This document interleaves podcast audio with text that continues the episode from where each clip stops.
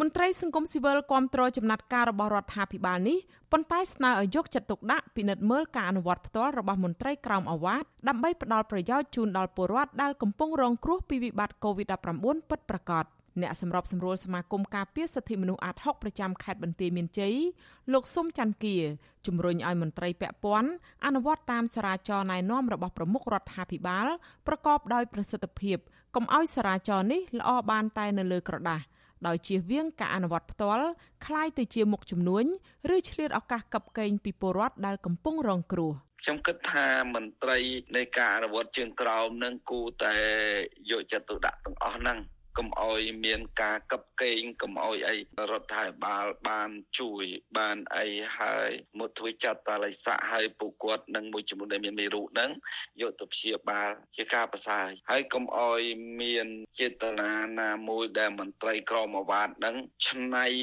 មានន័យថាប្រជាពលរដ្ឋចាត់តាល័យស័កនិងកូវីដហ្នឹងច្បាច់ឲ្យคล้ายទៅជាលុយដើម្បីផលប្រយោជន៍របស់ខ្លួនសូមមើលតាមដានអំពីបញ្ហានឹងផងបាទការលើកឡើងនេះ ធ្វើឡើងបន្ទាប់ពីលោកនាយករដ្ឋមន្ត្រីហ៊ុនសែនបានចេញសារាចរមួយនៅប្រលប់ថ្ងៃទី6ខែសីហាម្សិលមិញស្ដីពីការរៀបចំមណ្ឌលចតាលិស័កនិងមណ្ឌលព្យាបាលនៅតាមបណ្ដារាជធានីខេត្តដើម្បីទទួលយកពលករខ្មែរដែលវិលត្រឡប់មកពីប្រទេសថៃវិញតាមព្រំដែនគោក លោកហ៊ុនសែនបានបញ្ជាឲ្យអនុគណៈកម្មការគ្រប់គ្រងតាមព្រំដែននិងអនុគណៈកម្មការបច្ចេកទេសនិងព្យាបាលសហការជាមួយអាជ្ញាធរខេត្តក្រុង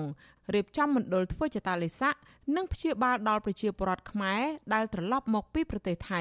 បន្ថែមពីនេះ ត្រូវសហការជាមួយអាជ្ញាធរខេត្តក្រុងសម្រួលការដឹកជញ្ជូនពលករត្រឡប់ពីប្រទេសថៃទៅធ្វើចតាលិស័កនៅស្រុកកំណើតនិងផ្ដល់ការព្យាបាលនិងគ្រប់គ្រងឲ្យបានត្រឹមត្រូវក្រោយពីបានរកឃើញថាពលករខ្មែរឆ្លងជំងឺ Covid-19 ជាពិសេសមេរោគបំផ្លែងថ្មីឈ្មោះ Delta សារាចរនេះបានណែនាំថាចំពោះអ្នកឆ្លងជំងឺ Covid-19 ក្នុងសហគមន៍20កុម្ភៈមិនមែនជាប្រភេទ Delta គឺណែនាំឲ្យធ្វើចតាលិស័កនៅផ្ទះរៀងៗខ្លួនដើម្បីសម្ដៅធានាឲ្យមណ្ឌលធ្វើចតាលិស័កទាំងនោះអាចត្រៀមលក្ខណៈសម្រាប់ជួយព្យាបាលដល់ពលករចំណាក់ស្រុកពីប្រទេសថៃដែលភ ieck ច្រើនឆ្លងជំងឺ Covid-19 ប្រភេទថ្មី Delta ភ្លាមភ្លាមបន្ទាប់ពីចេញសារាចរនេះ តាមរយៈសារសម្លេងលោកហ៊ុនសែនបានណែនាំដល់អភិបាលខេត្តជាប់ព្រំដែនថៃទាំងអស់ឲ្យផ្ទេរពលករខ្មែរដែលកំពុងធ្វើចតាលិស័កនៅតាមព្រំដែនចូលមកបន្តធ្វើចតាលិស័កនៅតាមបណ្ដារាជធានីនិងខេត្តដែលជាមូលដ្ឋានរបស់ពួកគេដើម្បីទុកទីតាំងចតាលិស័កនៅព្រំដែនសម្រាប់ទទួលពលករថ្មីទៀតដោយឡែកសម្រាប់អ្នកធ្វើចតាលិស័កនៅតាមមណ្ឌលមូលដ្ឋានរាជធានីខេត្តដែលមិនពាក់ព័ន្ធទៅនឹងប្រភេទបំផ្លែងថ្មី Delta និងអនុញ្ញាតឲ្យទៅធ្វើនៅផ្ទះវិញ ក្នុងករណីដែលមកលើសចំណុះនៃការទទួលបានការធ្វើចិត្តលិស័កនៅតាមព្រំដែនគឺយើងត្រូវធ្វើកិច្ចការងារធ្វើតេស្តហើយដឹកជញ្ជូនបងប្អូនទាំងនោះទៅរកគោលដៅធ្វើចិត្តលិស័កនៅខេត្តខាងក្រោយតែម្ដងនេះជាបទបញ្ជាបន្តដើម្បីសម្រេចនៅកិច្ចការងារនេះ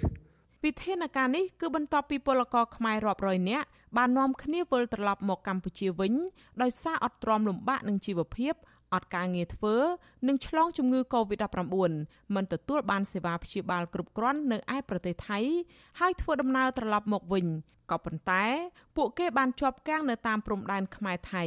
បន្ទាប់ពីរដ្ឋាភិបាលកម្ពុជា ប្រកាសបិទគប់ខេត្តចំនួន8រយៈពេល14ថ្ងៃចាប់ពីថ្ងៃទី29ខែកក្កដារហូតដល់ថ្ងៃទី12ខែសីហា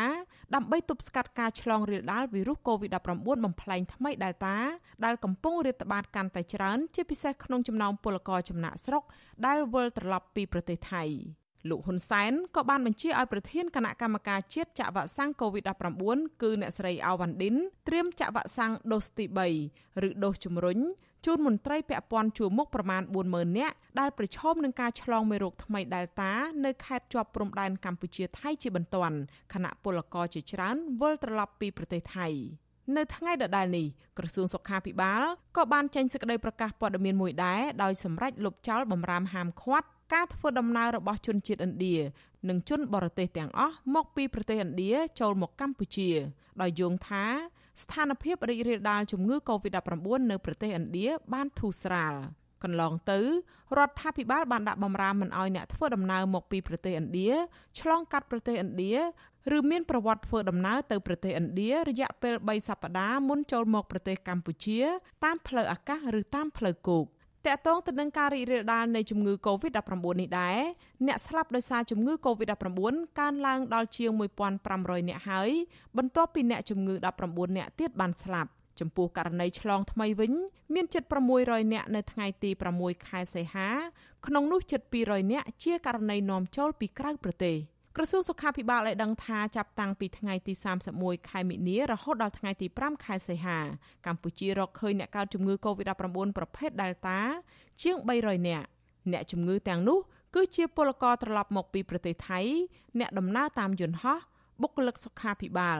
និងពលរដ្ឋក្នុងសហគមន៍គិតត្រឹមព្រឹកថ្ងៃទី6ខែសីហាកម្ពុជាមានអ្នកកើតជំងឺ Covid-19 ជាង80000នាក់ក្នុងនោះអ្នកជាសះស្បើយមានជាង70000នាក់ ក្រសួងសុខាភិបាលប្រកាសថាគិតត្រឹមថ្ងៃទី5ខែសីហារដ្ឋាភិបាលបានចាក់វ៉ាក់សាំងបង្ការជំងឺ Covid-19 ជូនពលរដ្ឋបានជាង76%ក្នុងចំណោមពលរដ្ឋដែលត្រូវចាក់វ៉ាក់សាំងចំនួន10លាននាក់ចំណែកកុមារនិងយុវជនអាយុពី12ឆ្នាំដល់17ឆ្នាំវិញក្រសួងបញ្ជាក់ថាចាក់វ៉ាក់សាំងបានជិត2សែននាក់ហើយ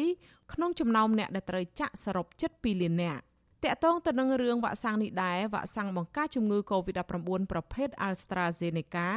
ដែលជាជំនួយរបស់រដ្ឋាភិបាលនិងប្រជាជនជប៉ុនចំនួនជាង66,000ដូសទៀតបានដឹកទៅដល់កម្ពុជានៅថ្ងៃទី6ខែសីហា វ៉ាក់សាំងនេះជាការដឹកជើងទី2ដើម្បីបង្គ្រប់ចំនួន1លានដូសដែលប្រទេសជប៉ុនបានប្រកាសផ្តល់ជំនួយចំនួន1លានដូសដល់កម្ពុជា ដើម្បីចូលរួមប្រយុទ្ធប្រឆាំងជំងឺ Covid-19 ចា៎នាងខ្ញុំខែសុណងវັດឈូអាស៊ីសេរីរាយការណ៍ពីរដ្ឋធានី Washington